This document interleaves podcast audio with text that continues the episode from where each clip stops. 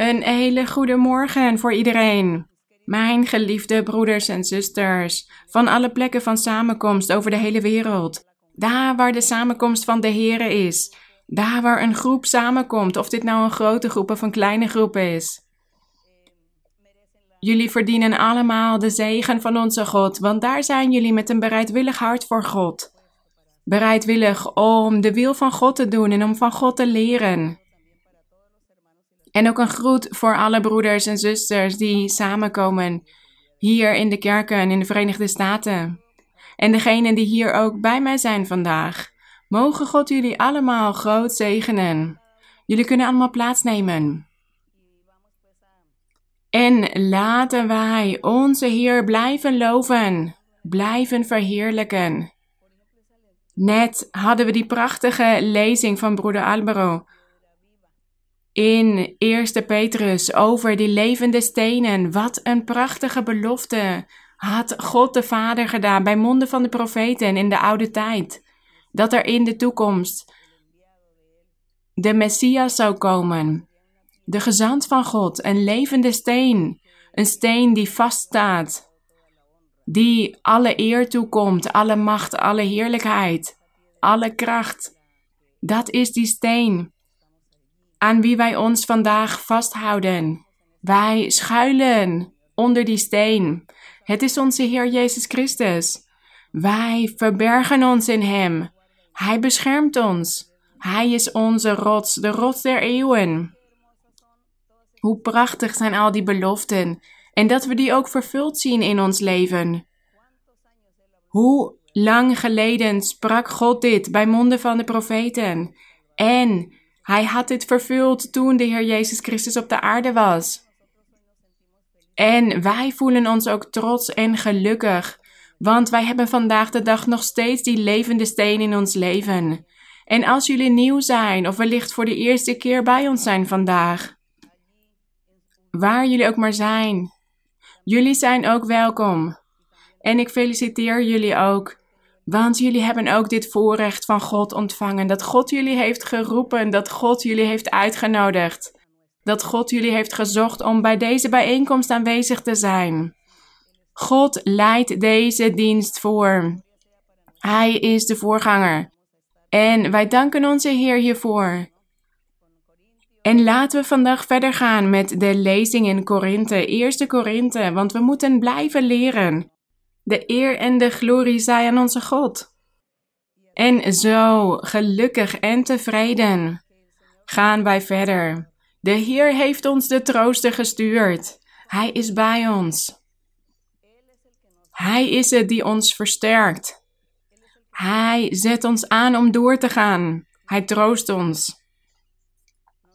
En hij moedigt ons aan om door te gaan in deze strijd, deze strijd tegen onze vijand. Maar de Heilige Geest is bij ons om ons te helpen. Wij danken onze God hiervoor. En laten we vandaag de Bijbel openen, hier in hoofdstuk 15. 1 Korinthe hoofdstuk 15. Het is een lang hoofdstuk, dus wellicht kunnen we niet alles lezen. Wellicht delen we het hoofdstuk in tweeën. Hier in hoofdstuk 15 staan tussen kopjes. Hier staat de opstanding van Christus en de opstanding van de doden. En wij hebben Romeinen bestudeerd. Nu zijn we met Korinthe bezig.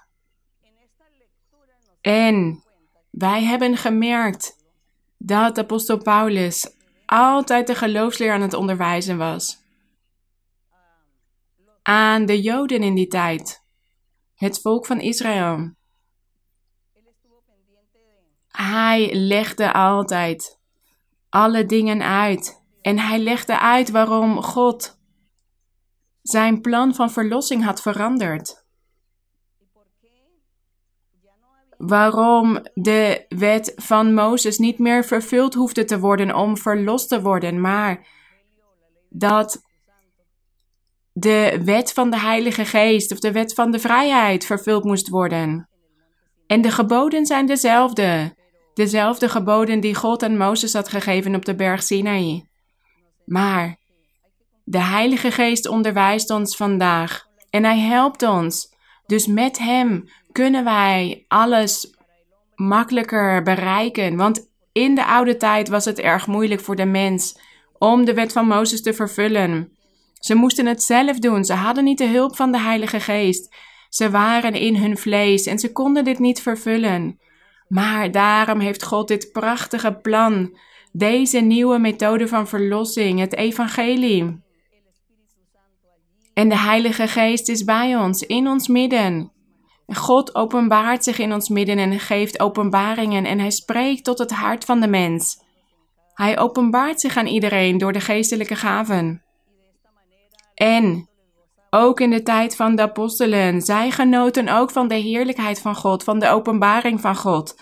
En daarom onderwees de apostel Paulus zijn broeders altijd, de Israëlieten, zodat zij het ook zouden aannemen, zodat ze ook de Heilige Geest zouden kunnen ontvangen, zodat ze ook die heerlijkheid van God konden zien, waar ze ook in die tijd van genoten. Dat wilde hij altijd doen en er werden hem veel vragen gesteld. En ze hadden hem dus ook gevraagd over de opstanding van de doden. Want de Heer Jezus Christus had onderwezen toen hij op de aarde was, dat degenen die in hem zouden geloven, dat zij op de laatste dag ook zouden opstaan. Dat ze opgewekt zouden worden, maar velen geloofden dat niet. Velen geloofden niet in de opstanding van de doden. Ze begrepen het niet. En zo hadden ze dus ook deze vraag aan de apostel Paulus gesteld. Over de opstanding van de doden, wat dat precies was. Velen geloofden daar niet in in die tijd. En velen zeiden dat apostel Paulus een leugenaar was, een bedrieger. Maar daarom probeerde hij dit altijd uit te leggen. En daar gaat hoofdstuk 15 over, wat we vandaag gaan lezen. Hoe de apostel Paulus dit onderwees. Vers 1. Verder maak ik u bekend, broeders. Verder, ja, want hij had al onderwezen over de geestelijke gaven. Over de gaven van profetie. Over het profeteren in de gemeente, in de kerk. Dat we voor elkaar bidden, dat we God dienen met geestelijke gaven. Daarom staat hier verder: Maak ik u bekend, broeders, het evangelie dat ik u verkondigd heb dat u ook aangenomen hebt, waarin, dus in dit evangelie, waarin u ook staat, of waarin u ook doorgaat. Dit is wat hij zei tegen de broeders van Korinthe, waardoor u ook zalig wordt. Dus door ditzelfde evangelie wordt u ook zalig, als u eraan vasthoudt zoals ik het u verkondigd heb, tenzij dat u te vergeefs geloofd hebt. Dus als zij wellicht hadden geloofd, maar als ze daarna terug zouden vallen, dan zou alles te vergeef zijn geweest. Maar hij had het hier over degenen die door zullen gaan. Die zullen zalig worden, zegt hij. Vers 3. Want ik heb u ten eerste overgeleverd wat ik ook ontvangen heb: dat Christus gestorven is voor onze zonden, overeenkomstig de schriften. Hij heeft het hier over Jesaja 53. De profeet Jesaja had hierover geprofeteerd. Dat God de Messias zou sturen, de zaligmaker, en dat hij zou sterven. Vanwege de zonden van degenen die zich tot hem zouden bekeren. Die zich tot het ware evangelie zouden bekeren. Daarvoor was Christus gestorven. En dat staat allemaal opgeschreven in de schriften van die grootste profeten. En de apostel Paulus had het hierover, zodat ze weer opnieuw de profeten zouden lezen, de boeken van de profeten en de psalmen. Want daar wordt gesproken over die gezant, over die zaligmaker die God zou sturen. Alles staat opgeschreven in de Bijbel. De psalmen en de profeten, al die beloften zijn in vervulling gebracht. En de apostel Paulus gebruikte die schriften om zijn woord kracht bij te zetten En wij doen vandaag hetzelfde, want we zien dat God dezelfde is. Hij verandert niet. En daarom lezen wij ook alle schriften. Wij lezen ook het Oude Testament.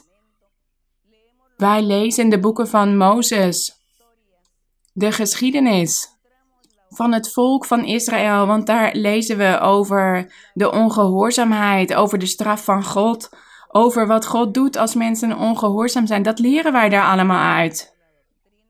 Wij leren de geloofsleer kennen op die manier en daarom lezen we ook de psalmen en de boeken van de profeten. Want daarin staan alle beloften voor de toekomst opgeschreven. Vele beloften die al vervuld zijn en andere beloften die nog vervuld zullen worden. Dus wij zullen er nooit moe van worden. De, om de Bijbel te lezen. We moeten altijd de Bijbel blijven lezen, van het begin tot het eind. De hele Bijbel, want het is belangrijk voor ons geestelijk leven. Er zijn een aantal religies, een aantal godsdiensten die zeggen: ja, waarom zouden we nog het Oude Testament lezen? Dat is al gebeurd, dat is het verleden. We lezen alleen het Nieuwe Testament, maar nee, dan zouden we net doen alsof we alleen maar aan de takken, dat wij ons voeden van de takken. Nee, we moeten juist naar de wortel van de boom gaan, naar zijn tronk. Naar het begin. En dan zullen wij de geloofsleer van God goed kunnen begrijpen. Dus het is erg belangrijk. Dus het Oude Testament is als de wortelen van de boom. Dat moeten we ook leren kennen. En zo kunnen we op een dag allemaal leraars en leraressen van het woord van God worden. En kunnen wij het evangelie onderwijzen zoals de Heer Jezus Christus ons geboden heeft. Goed, dus vers 3. Want ik heb u ten eerste overgeleverd wat ik ook ontvangen heb: dat Christus gestorven is voor onze zonden, overeenkomstig de schriften, en dat hij begraven is, en dat hij opgewekt is op de derde dag. Staat hier. Zo staat dit in het boek van de profeet beschreven. En dit was zo moeilijk in die tijd om te geloven. En voor velen vandaag de dag ook nog. Velen geloven hier niet in, duizenden dat hij begraven was en dat hij opgewekt is op de derde dag. Overeenkomstig de schriften. En dit vinden wij in Psalm 16, vers 8 tot en met 10. Wellicht hebben jullie een potlood of een papier en schrijf dit even op. Dit staat geschreven in Psalm 16, van vers 8 tot en met 10. En ook in Hosea, hoofdstuk 6, vers 2. Daar kunt u het zelf lezen. Daar lezen wij hoe God aankondigde dat Hij de Messias zou sturen en dat dit voor de vergeving van de zonden was en dat Hij ook opgewekt zou worden, dat Hij op zou staan uit de dood. Dit staat allemaal opgeschreven. Dit was allemaal geprofeteerd. Vers 5 en dat Hij verschenen is aan Kefas, oftewel Petrus. Daarna aan de twaalf, de twaalf apostelen. Hij was aan iedereen verschenen. Dat was waar, iedereen heeft hiervan getuigd. Zij waren hier getuigen van geweest. Dat de Heer was opgewekt uit de dood en dat Hij aan hen was verschenen. Hij sprak tot hen. Hij was een aantal dagen met hen voordat Hij naar de hemel opsteeg. Vers 6. Daarna is Hij verschenen aan meer dan 500 broeders tegelijk.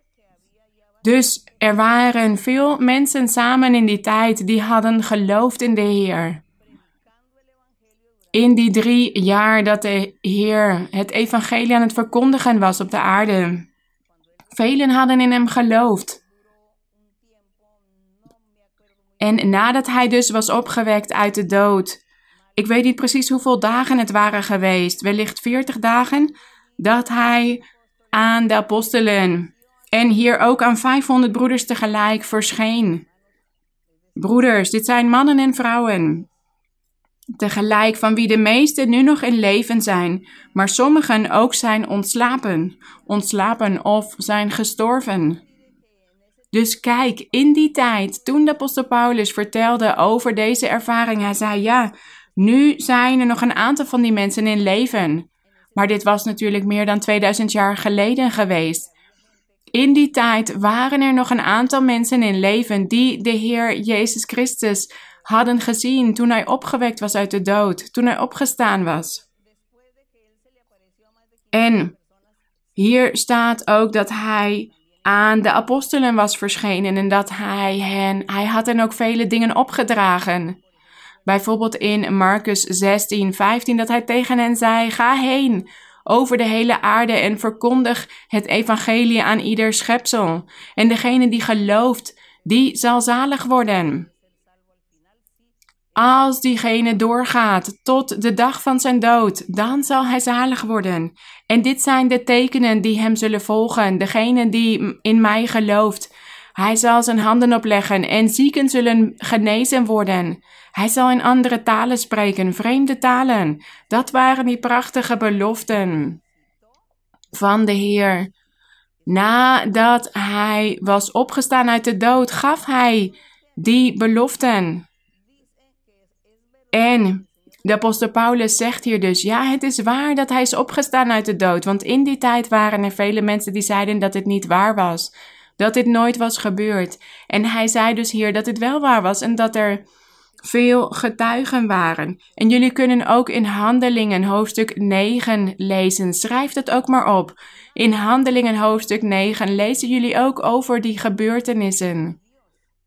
Die dingen die God gaf aan zijn gelovigen, aan degenen die geloofden in de Heer, degenen die een bereidwillig hart voor hem hadden. Dus hier is de apostel Paulus aan het bevestigen dat de Heer wel was opgestaan uit de dood. En zoals de Heer Jezus Christus was opgestaan uit de dood, zo zou dit ook gebeuren met zijn volgelingen, zijn gelovigen. Dus iedereen moet fysiek overlijden. Maar ze zullen opgewekt worden. En dit was ook moeilijk in die tijd om te geloven voor velen en vandaag de dag ook. Velen zeggen vandaag de dag dat als wij overlijden als mens op aarde, dat wij dan niets meer zijn. Dat we net als een plant of een dier zijn, dat we overlijden en dan verdwijnt alles. Nee, wij blijven leven. Ons lichaam, ja, ons lichaam sterft. Ons lichaam vergaat, maar onze geest blijft leven voor God. Voor de verlossing of voor de verdoemenis. Wij blijven leven in geest. Dat is wat apostel Paulus ook wilde onderwijzen in dit hoofdstuk. Dat er wel opstanding van de doden bestaat.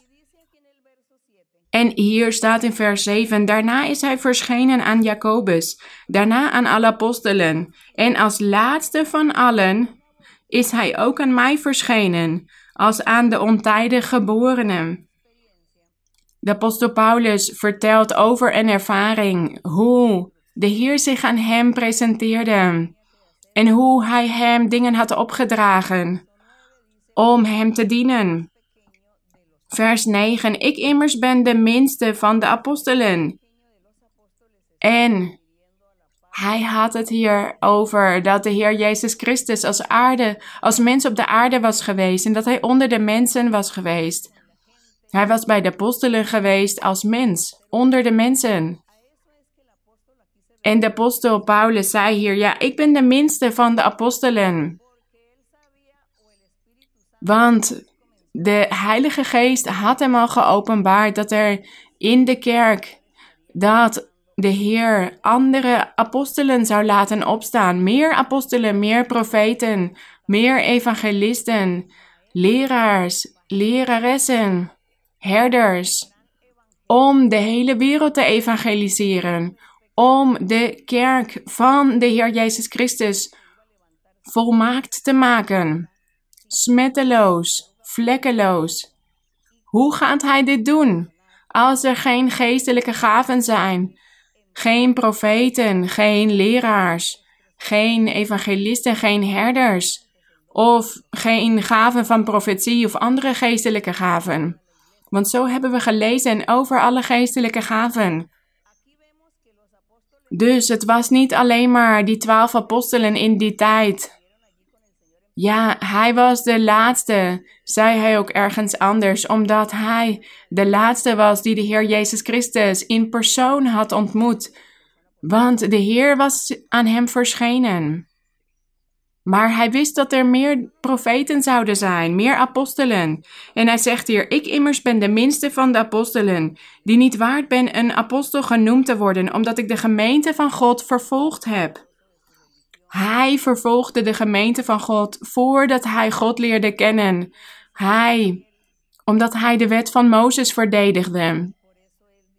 Hij was erg naijverig wat betreft de wet van Mozes. Maar toen God hem een ervaring gaf dat hij onderweg was en dat de Heer zich aan hem verscheen, en dat een stem tegen hem zei dat hij op de grond viel en dat een stem tegen hem zei: Waarom vervolg je mij? Waarom vervolg je mij? En hij zei toen: Heer, wie bent u? Ik vervolg u niet. Ik vervolg degenen die zeggen dat ze christenen zijn en die Jezus uit Nazareth verkondigen. En de Heer zei toen tegen hem: Ja, je bent mij aan het vervolgen. Je bent niet hen aan het vervolgen, maar mij, want zij verkondigen mij. Dus de Heer gaf hem een ervaring. En we lezen hoe hij toen blind was geworden. En hoe hij daarna genezen werd. En hoe hij vanaf dat moment het evangelie van de Heer Jezus Christus verkondigde. Dat hij zo'n drie jaar in de woestijn had doorgebracht en dat de Heilige Geest, dat God of de Heilige Geest hem de geloofsleer had onderwezen. Dus hij zei hier dat hij het niet waard was een apostel genoemd te worden, omdat hij de kerk had vervolgd. Vers 10, maar door de genade van God ben ik wat ik ben. Dus hij was een apostel door de genade van God. En zijn genade voor mij is niet te vergeefs geweest. Integendeel, ik heb mij meer ingespannen dan zij allen. Dat zei hij dat hij meer gewerkt had dan alle andere apostelen. En dat is waar. Want de andere apostelen hebben niet zoveel jaren als de apostel Paulus gewerkt. Maar hij zegt hier niet ik echter, maar de genade van God die met mij is. Dus het was door de genade van God dat hij zo lang had kunnen werken. Vers 11. Of ik het dan ben of zij, zo prediken wij en zo hebt u geloofd. Als nu van Christus gepredikt wordt dat hij uit de doden is opgewekt, hoe kunnen sommigen onder u dan zeggen, de sommigen onder u, ongelovigen, hoe kunnen jullie dan zeggen dat er geen opstanding van de doden is? Hier begint apostel Paulus te zeggen: Waarom zeggen jullie dat er geen opstanding van de doden is? Als er geen opstanding van de doden is, maar als wij overlijden, net als een plant of een dier, dat wij na de dood niets meer zijn, waarom zouden we dan God zoeken? Waarom zouden we dan God willen behagen? Als wij toch niets zijn na onze dood. Maar wij zijn juist aan het strijden voor de verlossing. Die verlossing, die zaligheid, die zullen wij ontvangen in de opstanding van de doden. Wanneer wij op zullen staan uit de dood, dan zullen wij in de eeuwigheid met God mogen leven. Na onze dood, na onze fysieke dood, gaat ons geestelijk leven verder.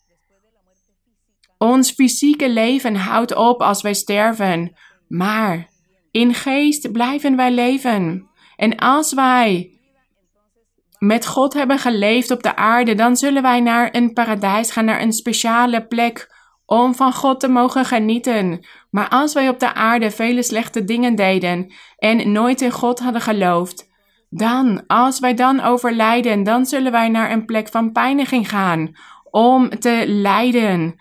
En op de dag van de opstanding van de doden, dus wanneer de Heer zal komen voor zijn kerk en iedereen zal opstaan, iedereen zal opgewekt worden uit de doden.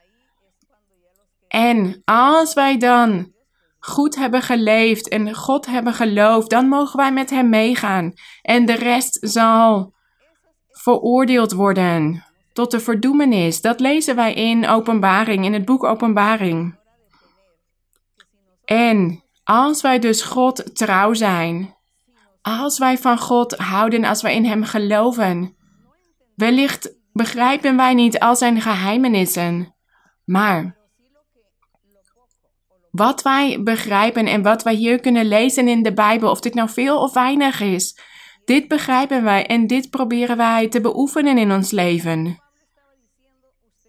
Dus de apostel Paulus zegt hier: jullie zeggen dat er geen opstanding van de doden is.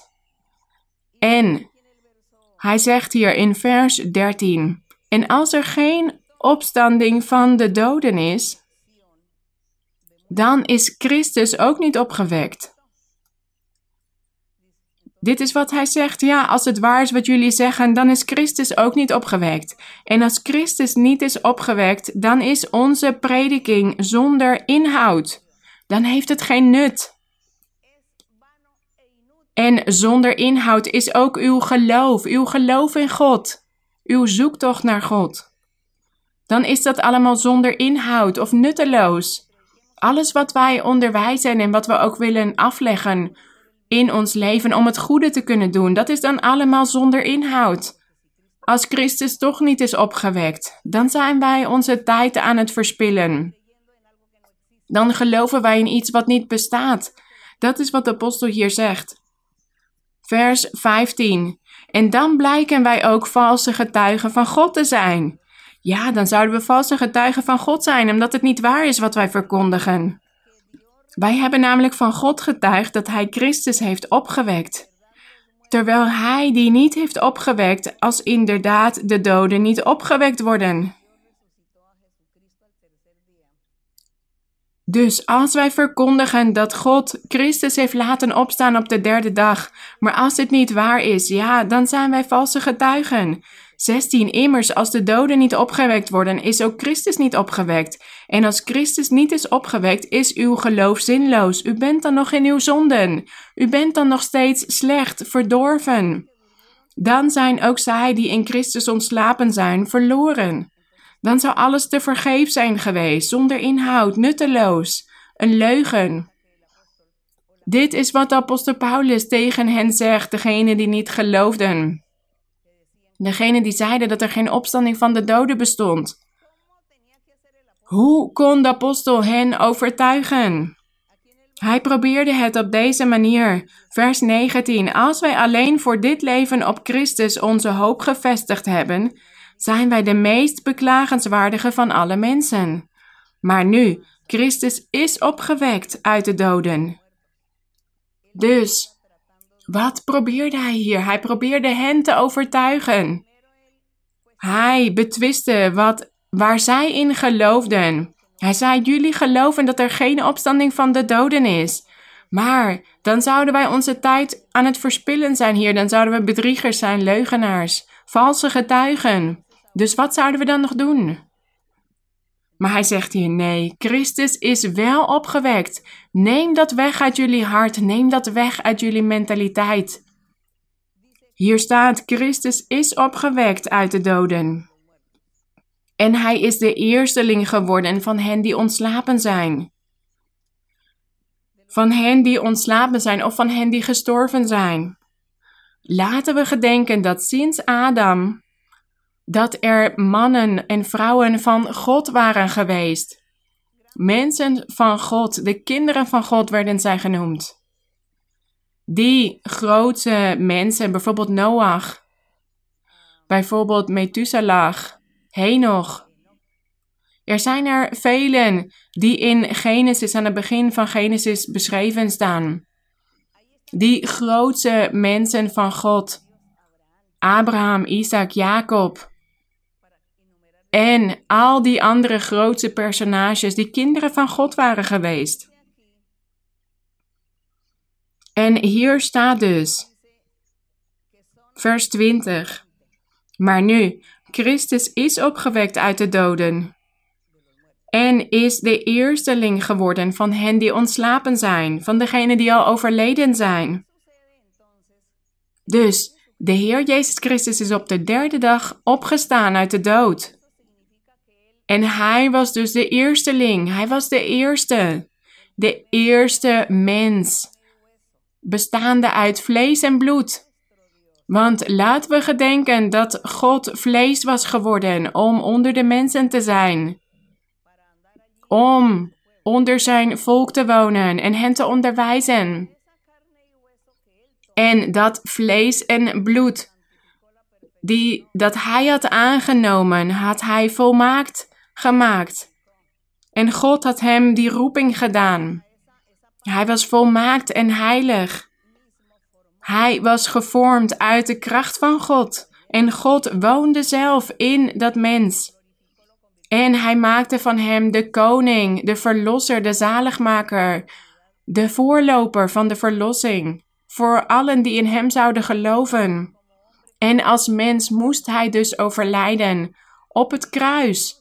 Hij moest opgeofferd worden en op de derde dag opstaan uit de dood, want dat is de kracht van God. En hoe en omdat hij is opgestaan uit de dood, is hij dus de eersteling geworden van hen die ontslapen zijn. Dat is wat hier staat.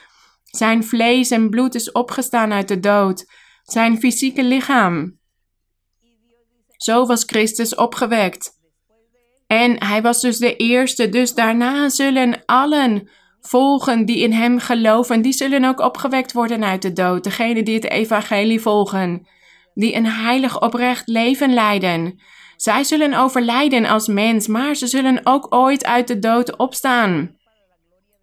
Om het eeuwig leven te ontvangen. Om de heerlijkheid van God in te gaan. Dus laten we het vandaag alleen hebben over degenen die de verlossing zullen bereiken. Degenen die het eeuwig leven zullen ontvangen. Christus is de eersteling geworden van allen. Bijvoorbeeld ook Adam, Abraham. Zij leven op dit moment nog steeds in geest, in de heerlijkheid. Zij zijn op een speciale plek in de aanwezigheid van God. Maar op een dag zullen wij allemaal opstaan uit de dood en zullen wij dan voor eeuwig bij God zijn, in nauwe verbondenheid met Hem, in die nieuwe wereld die Hij heeft voorbereid. Het eeuwige leven. Degenen die al fysiek zijn overleden, die wachten nog op dat moment. Maar die zijn al aan het genieten op een speciale plek. Dus iedereen die heeft geloofd in de Heer Jezus Christus en iedereen die zijn leven heeft gegeven voor het evangelie, oprecht heeft geleefd, zij zullen opstaan uit de dood. En zij zullen op een dag verenigd worden met deze grootste personages uit de Bijbel, de kinderen van God, om samen naar God te gaan. Vers 21, want omdat de dood er is door een mens, door Adam, is ook de opstanding van de doden er door een mens. Dus voordat Christus opgewekt was uit de dood, waren er al vele kinderen van God geweest, grootse profeten, personages, die in de Heer hadden geloofd. God die had hen uitgekozen om Hem te dienen. Zij zijn op een speciale plek en genieten van God en wachten op dit moment dat zij ook mogen opstaan uit de dood. Want eerst is Christus opgewekt en daarna zal de rest volgen. En zo kunnen we ook zeggen dat iemand die leeft op de aarde, maar God niet kent, eigenlijk is hij dood voor God. Hij kan wel in leven zijn op de aarde, maar hij is dood voor God. Hij bestaat niet voor God.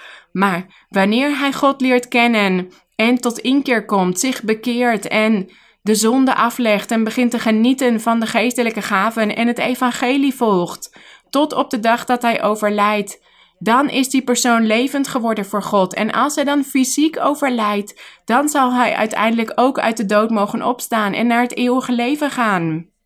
Dan zal hij ook mogen genieten van die grootste opstanding van de doden, om voor eeuwig naar God te gaan. Dus Christus is de eerste geweest, de eersteling. Vers 21, want omdat de dood er is door een mens, is ook de opstanding van de doden er door een mens.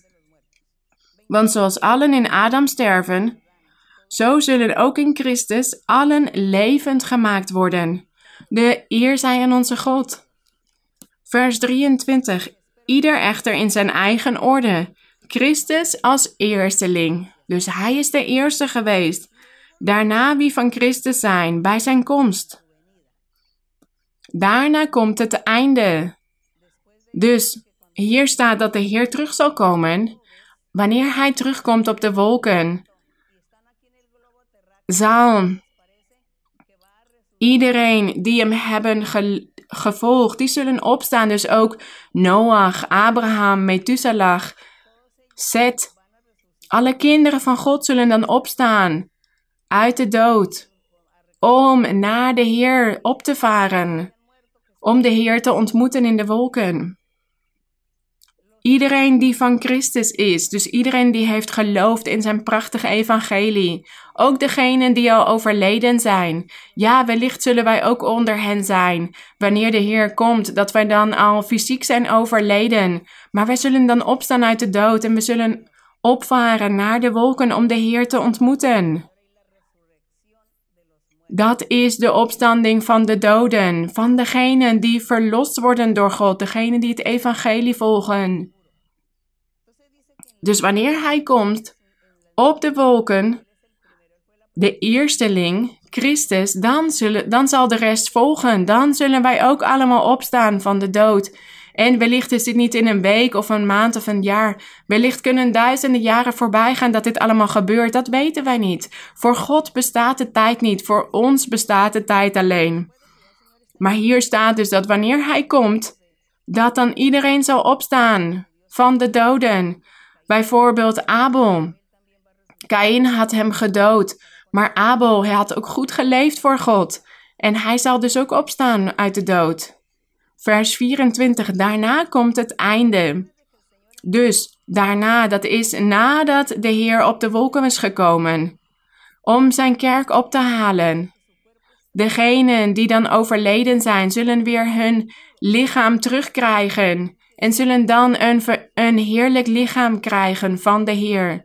Dat zal veranderd worden om dan op te varen naar de wolken. Daarna komt het einde wanneer hij het koningschap aan God en de Vader heeft overgegeven, wanneer hij alle heerschappij en alle macht en kracht heeft teniet gedaan. Wellicht gaan duizenden jaren voorbij voordat dit allemaal vervuld wordt. Maar we lezen dat degenen die God niet hebben willen volgen, die in hun zonde hebben doorgeleefd, dat ze zullen blijven leven op de aarde wanneer Christus komt. Zij zullen op de aarde achterblijven, alleen. En we weten niet hoeveel tijd er dan voorbij zal gaan. Maar we hebben het over degenen die verlost zullen worden. Die zullen met de Heer meegaan en het eeuwige leven ontvangen. En we hopen dat iedereen met de Heer mee mag gaan, dat er niemand op de aarde hoeft achter te blijven. Dat juist iedereen mag opvaren naar de wolken. Wat zou dat prachtig zijn? Goed, daar heeft apostel Paulus het hier over. Geloof in de opstanding van de doden, want het bestaat. De opstanding van de doden bestaat en het zal bestaan. Vers 25, want Christus moet koning zijn, totdat hij alle vijanden onder zijn voeten heeft gelegd. Ja, de Heer blijft regeren. Hij is koning. De Heilige Geest blijft zijn werk doen op deze aarde, in deze wereld. En wanneer de Heer dan komt op de wolken, we weten niet wanneer dit zal zijn. Maar totdat dit gebeurt, zal de Heer koning blijven zijn. Hij is aan het regeren en hij heerst dan. Want de Heilige Geest openbaart zich in ons leven, in het leven van de gelovigen. God doet wonderen, genezingen, tekenen. Hij helpt mensen. Hij geeft hen een uitweg van hun problemen. Dat betekent dat de Heer koning is. Gezegend zij zijn naam. Hij is koning. Hij is aan het regeren. De Heilige Geest is zijn werk aan het doen. Hij heerst over ons. Hij helpt ons. Hij troost ons. Hij zet ons aan om door te gaan. Hij helpt ons op elk moment in ons leven. Hij is koning. Hij is al koning. Hij is al aan het regeren. En daarom staat hier, want hij moet koning zijn, totdat hij alle vijanden onder zijn voeten heeft gelegd. Ook het overblijfsel van het volk van Israël zal zich bekeren en zal ook verlost worden. En de rest zal dan gestraft worden. Maar laten we niet aan hen denken. Laten we aan de verlossing denken. Aan de opstanding van de doden. Aan al die weldaden die God voor ons heeft. En alles wat wij vandaag de dag meemaken met onze God. En daarom moeten wij kracht en wijsheid van God ontvangen en een verlangen in ons hart hebben om te evangeliseren, om tot anderen te spreken over God. Maar Als wij willen dat andere mensen ons geloven, dat ze naar ons luisteren, moeten wij een goed voorbeeld geven, een goed getuigenis. Want als jullie thuis, in jullie familie, jullie gezin, als jullie daar een slecht getuigenis geven, hoe kunnen jullie dan anderen overtuigen van het bestaan van God? Jullie buren, jullie vrienden, jullie eigen familieleden die niet in God geloven. Hoe gaat u hen overtuigen als u slecht voorbeeld geeft, als u een slecht getuigenis geeft? Dus wij moeten oprecht leven voor God, zodat wij vele zielen kunnen winnen voor onze God. Want de Heer is opgewekt, en omdat Hij is opgewekt, verwachten wij dat ook voor ons. De glorie is aan de Heer dat wij voor Hem opgewekt zullen worden vers 26.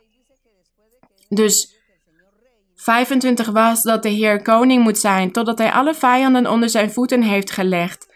En de laatste vijand, die teniet gedaan wordt. Dus dit is het allerlaatste dan wat de Heer zal doen. De laatste vijand die teniet gedaan wordt. Dus eerst in vers 25 heeft hij het over vijanden. Dat zijn mensen dat zijn degenen die niet in hem geloven, die opstandig en koppig zijn. Maar in vers 26, de laatste vijand, gaat het over de duivel. Want hier staat: de laatste vijand die er niet gedaan wordt, is de dood. De dood. En daar lezen we ook over in Openbaring, in het boek Openbaring, dat de duivel niet gedaan zal worden. En de dood. En de valse profeet. De valse profeet uit het boek Openbaring is dat wezen dat door de duivel wordt gebruikt over de hele wereld, zodat mensen niet in God geloven. Dus dat is niet één persoon, de valse profeet in openbaring, dat is niet één mens. Het gaat over een grote kracht, over iets groots, iets wat krachtigs is. En dat bevat bijvoorbeeld alle afgoderij, alle religies, die niet het ware evangelie van God zijn. Hekserijen, tovenarijen, iedereen die niet in God gelooft, iedereen die de duivel aanbidt. Al die mensen, al dat kwaad, al diegenen die God niet erkennen, die niet in God geloven, die het bestaan van God niet verkondigen en juist wegnemen dat idee van God uit de maatschappij, want ze onderwijzen kinderen van jongs af aan dat God niet bestaat. Dat allemaal samen is die valse profeet. En we lezen hoe God de dood zal straffen. De dood is ook een geest. De dood is een geest. Zodat jullie dit weten. Hij zal de dood vernietigen. Deze kwade geest. Zal de duivel, de valse profeet vernietigen. Dus wie is die valse profeet? Dat is niet één man of één mens. Nee, dit zijn miljoenen mensen. Samen die het kwaad doen. Sinds de tijd van Adam zijn zij al bestemd voor de verdoemenis. Zij zijn koppig opstandig, ze willen God niet liefhebben, ze willen God niet volgen. Onze schepper, onze vader, onze koning. Dat is zo verdrietig. Maar wij moeten hier soms ook over nadenken en realistisch zijn en zeggen: ja, dit bestaat ook. Maar zolang wij ons onder de levenden bevinden hier op aarde, hebben wij hoop dat wij nog kunnen evangeliseren, dat wij nog ervoor kunnen zorgen dat vele zielen zich bekeren tot God. Dus bid tot God en vraag God om die, dat ongeloof uit u weg te nemen als u dit in u voelt. Als de duivel u verwart als die kwade geest u van God afhoudt. Vraag God dan om bevrijding. Vraag God om u te helpen, zodat u in Hem kunt geloven. Vers 26. De laatste vijand die niet gedaan wordt, is de dood. Dat is dus de duivel of de Satan. Die zal dan vernietigd worden, teniet gedaan worden. En dus ook die valse profeet die in het boek Openbaring staat beschreven. We weten nu wat dit betekent. Goed, vers 27. Immers, alle dingen heeft God aan zijn voeten onderworpen, aan de voeten van de Heer Jezus Christus. Alle dingen zijn aan de voeten van Christus onderworpen. Wanneer hij echter zegt dat aan hem alle dingen onderworpen zijn, is het duidelijk dat hij, die zelf alles aan hem onderworpen heeft, hiervan is uitgezonderd. Dus dat betekent dat alles aan de voeten van Christus is onderworpen, behalve God de Vader natuurlijk. Dat is een groot geheimenis. Onze Vader God was vlees geworden en heeft een tijd op de aarde gewoond onder de mensen. En hij had hem de naam Jezus uit Nazareth gegeven. En omdat mensen altijd naar theorieën zoeken en alles moet uit theorieën bestaan, want anders geloven ze niet, want ze willen niet geloven in wonderen, in de kracht van God. Maar ze zullen dus altijd naar theorieën blijven zoeken, want ze zullen nooit een uitleg vinden voor dit geheimenis dat God werkt als Vader en Zoon en Heilige Geest. Er zijn geen theorieën voor. Wij geloven hier gewoon in. We zeggen, Heer, we begrijpen het niet volledig. Maar ik geloof erin. Ik ga dit niet aan u vragen. Want u zult mij dit niet uitleggen. Ik geloof hier gewoon in. Omdat u zo krachtig bent. U kunt alles doen. Dus ik weet dat dit waar is. Dat zeggen wij tegen God. Vers 28. En wanneer alle dingen aan Hem onderworpen zijn, dus aan Christus, dan zal ook de Zoon zelf zich onderwerpen aan Hem, aan God de Vader die alle dingen aan hem onderworpen heeft, opdat God alles in allen zal zijn. God is één. 29. Wat zullen anders zij doen die voor de doden gedoopt worden, als de doden helemaal niet opgewekt worden? Dus hij zegt hier: Wat doen dan diegenen die voor de doden gedoopt worden? Als er helemaal geen opstanding van de doden bestaat. Dus hij begint hier weer opnieuw hen te overtuigen dat er dus mensen zijn, ja, die zeggen dat de Heer Jezus nooit is opgestaan. Maar degenen die zich hebben gedoopt in de Heer Jezus Christus, voor de vergeving van zonden en voor de verlossing, wat doen zij dan? Wat hebben zij dan gedaan? Waarom worden zij dan nog voor de doden gedoopt? Staat hier in vers 29. Waarom zouden zij dit doen als de doden niet opstaan? Als de Heer Jezus niet is opgestaan? Er zijn dus veel mensen die zich laten dopen in water om een nieuw leven te leiden voor God, om op te staan uit die dood zonder God. Waarom zouden ze dan dat nog doen? En vers 30. En waarom lopen wij dan elk uur gevaar? Omdat wij een leugen verkondigen, vinden wij het leuk om vervolgd te worden, om elk uur gevaar te lopen? Doen wij dit gewoon omdat we dit leuk vinden? we weten eigenlijk dat het een leugen is dan, maar we doen het gewoon omdat we het leuk vinden? Nee. Nee, we zijn ervan overtuigd wat wij verkondigen. Hij zegt: Ik weet dat dit waar is. Ik weet dat dit geen leugen is. Het is niet zo dat ik het wellicht denk. Ik ben ervan overtuigd. Want ik word vervolgd elke dag weer. Ze willen mij mijn leven afnemen omdat ik Christus verkondig, maar ik weet dat Hij werkelijk bestaat. Want hij heeft zich geopenbaard aan mij en hij is opgestaan uit de dood. Het is geen leugen en daarom stel ik mij bloot aan al het gevaar, vervolgingen, al het kwaad dat mensen mij willen doen, omdat ik er zeker van ben dat Christus is opgestaan. En degenen die zijn gedoopt, die hebben dit ook gedaan omdat ze er zeker van waren dat Christus is opgestaan. Want de Heilige Geest had hen ook geestelijke gaven gegeven en wonderen verricht in hun leven en daarom waren ze ervan overtuigd. Daarom zijn ze ook gedoopt. Dus het was niet te vergeefs geweest of zonder inhoud of nutteloos wat zij hebben gedaan. Zij hebben dit gedaan omdat ze overtuigd waren van de opstanding van de Heer. Dat is wat hij hier zegt in vers 29 en 30. Hij zegt dus, ja, ik doe dit niet voor plezier, omdat ik het leuk vind dat ik vervolgd word. Nee, ik verkondig dit omdat ik weet dat Hij bestaat en God zal me beschermen, want Hij bestaat. Vers 31. Ik sterf elke dag en betuig dit bij de roem die ik over u heb in Christus Jezus onze Heer. Als ik naar de mens gesproken tegen wilde beesten heb gevochten in Efeze, wat voor nut heeft het dan voor mij als de doden niet opgewekt worden? Dus, jullie zeggen dat Christus niet is opgestaan. Waarom zou ik dan al deze dingen hebben doorstaan? Waarom zou ik dit doodsgevaar elke dag in mijn leven zien? Elke dag weer. Ik sterf elke dag, zei hij. Ja, want hij werd elke dag vervolgd. En hij had met wilde beesten gevochten en ook mensen achtervolgden hem. En hij zegt dan, als de doden niet opgewekt worden, laten we dan dit spreekwoord opzeggen, zegt de apostel hier. Wat is dit spreekwoord?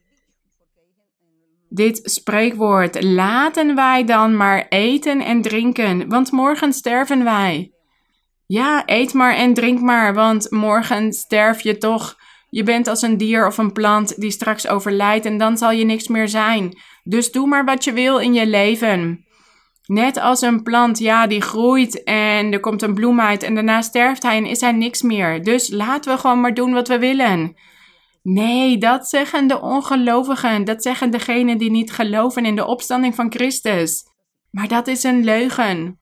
Laat jullie niet bedrogen worden. Degenen die geloofd hebben in de Heer en die gedoopt zijn en door zullen gaan op deze weg, zij zullen vele ervaringen met God meemaken, net zoals in die tijd dat zij vele ervaringen met God hadden meegemaakt. En zij waren er zeker van dat Christus wel was opgestaan uit de dood.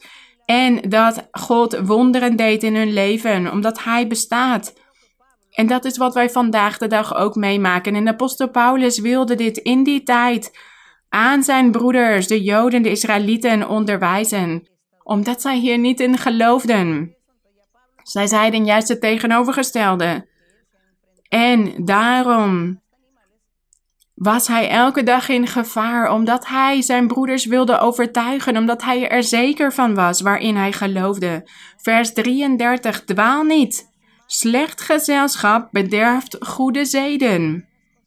Slecht gezelschap of slechte gesprekken. Hij zei: luister niet naar al dat commentaar, kritiek, speculaties verhaaltjes. Luister daar niet naar wat mensen allemaal zeggen, dat, het ene, dat dit een leugen is, dat dat niet bestaat. Net zoals vandaag, wat wij horen, dat mensen zoveel dingen zeggen, zoveel dingen die niet waar zijn. Zoals bijvoorbeeld, ik geef jullie een voorbeeld. Ik heb vele mensen gehoord over de vaccinatie dat vele mensen speculeren.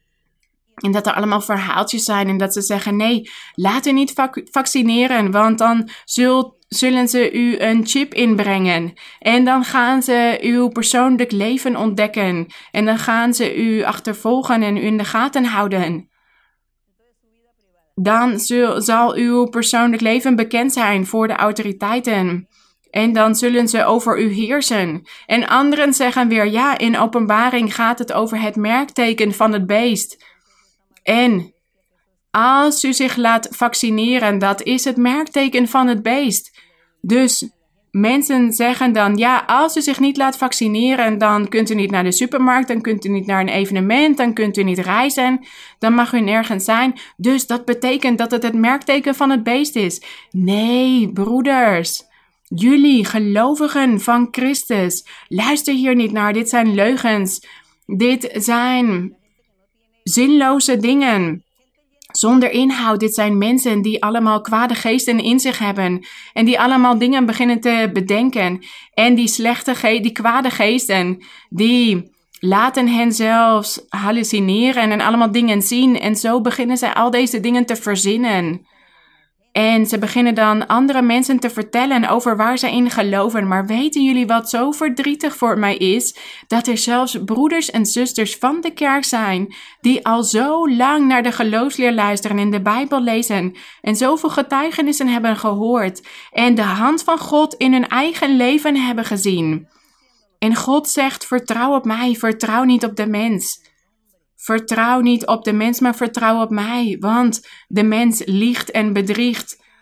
Waarom vertrouw je op de mens? Maar toch geloven zij hierin. Als er iemand tegen mij zegt: Ik zal je het geluk geven en de verlossing, dan ga ik daar niet in geloven. Ik geloof erin wat God tegen mij zegt. Niet wat een mens tegen mij zegt. Dus waar is dan jullie vertrouwen op God? Waarom zijn jullie zo bezorgd en waarom zijn jullie hier bang voor? Ja, er zijn ook mensen, ja, zoveel mensen zijn overleden nadat ze gevaccineerd zijn. En ze houden daar ook de statistieken van bij, hoeveel mensen het precies zijn geweest.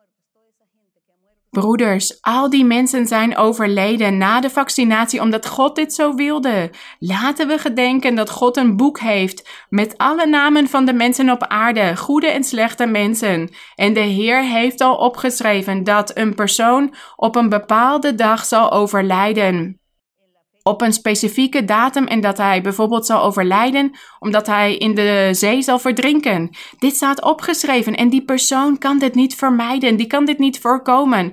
Op die dag zal hij naar de zee gaan en zal hij daar sterven. En een ander zal overlijden vanwege een griep op een bepaalde datum. God heeft dit allemaal opgeschreven staan in een boek. Wij weten zelf niet wanneer dit zal zijn en ook niet hoe wij zullen overlijden. Dus wij vertrouwen gewoon op God. En wij verwachten het beste van onze God. Maar God heeft alles opgeschreven. Hij weet wie er zal geloven en wie niet. Dit staat allemaal al opgeschreven.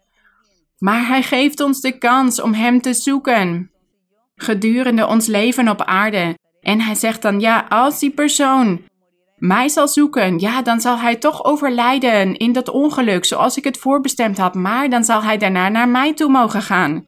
God is de heerser over alles.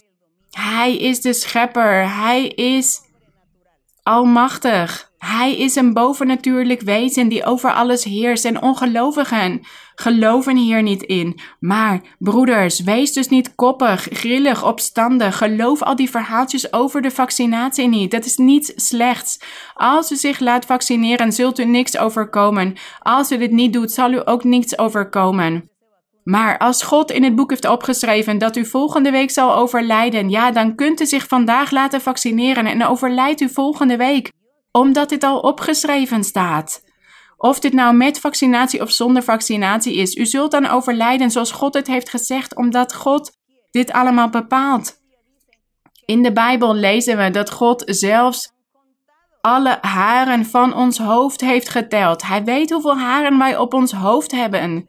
Hoe kan hij dan niet weten op welke dag wij gaan overlijden en op welke manier? Dit staat allemaal al opgeschreven, dit is allemaal voorbestemd. Dus wat zeggen wij tegen de Heer? God heeft ook tegen ons gezegd: degene die mij gehoorzaam zijn, degene die tot mij bidden, die zal ik mijn genade geven en die zal ik redden. Maar wij weten niet wie dat zijn wie in God zullen geloven en wie niet, wie gered zullen worden en wie niet. Maar daarom zoeken wij allemaal God en wij doen ons best om bij God te mogen zijn. En wij vertrouwen erop dat God ons gaat redden en dat Hij ons gaat beschermen. Hij weet alles, ook hoe alles zal eindigen. Maar wij doen de moeite, want wij weten niet hoe het zal aflopen voor ons. Want er zullen mensen zijn, ja, laat ik dan maar niets doen als toch alles al voorbestemd staat. Nee, wij weten niet wat God over ons heeft opgeschreven, dus laten wij moeite doen. Laten wij God zoeken. Ja, God weet alles. Maar waarom zegt God tegen ons: zing tot mij, lees de Bijbel? Hij zou niks tegen ons zeggen als het niet belangrijk zou zijn. Dan zouden wij hier met onze armen over elkaar kunnen zitten en gewoon op dat moment kunnen wachten.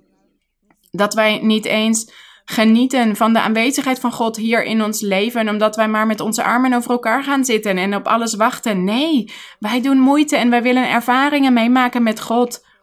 En God weet wie Hij zal redden, maar wij geven aan God een nederig hart, een bereidwillig hart. Wij strijden hiervoor, wij strijden voor onze verlossing, voor deze zegening van onze God. Dus mijn geliefde broeders en zusters, wij gaan hier het onderricht van vandaag eindigen.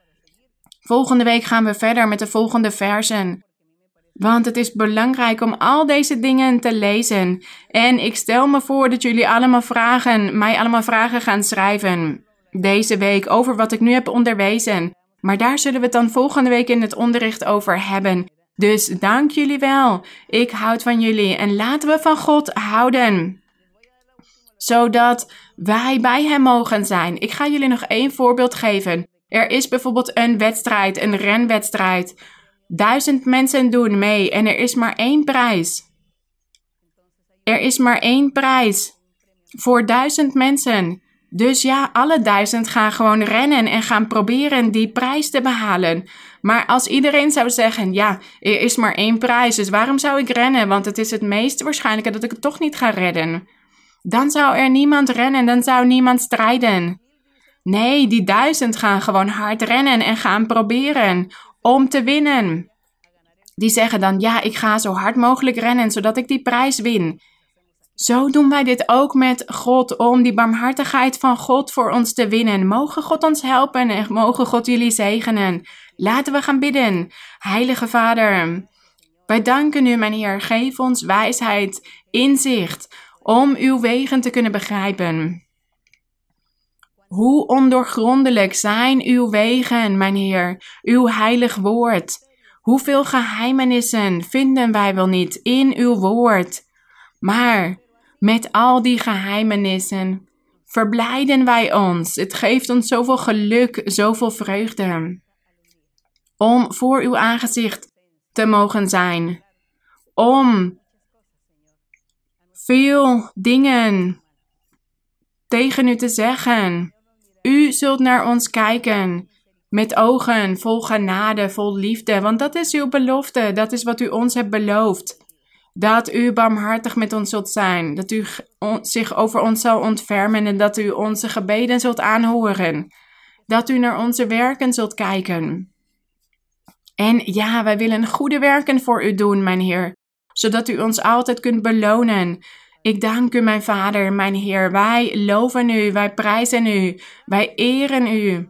Wij geven u de roem en de glorie, want u bent een krachtige God eeuwige God, schepper van de hemelen en de aarde, u bent zelf een geheimenis voor ons. Wij hebben die capaciteiten niet om uit te leggen wat u bent. Wij kunnen niet verder denken dan wat u ons onderwijst, maar wij geloven gewoon in u. Wij geloven in u met heel ons hart en wij verlangen ernaar uw wil te doen, goed te leven. Want wij hebben beleefd. Wij hebben meegemaakt dat u bij ons bent, dat u in ons hart bent. En daar danken wij u voor. Want zo willen we blijven leven. De glorie en de eer zij aan u in de naam van de Heer Jezus Christus, uw geliefde Zoon. En Heilige Vader. Ik bid ook tot u voor alle, allen die ziek zijn. Voor iedereen die verschillende ziekten in zich heeft.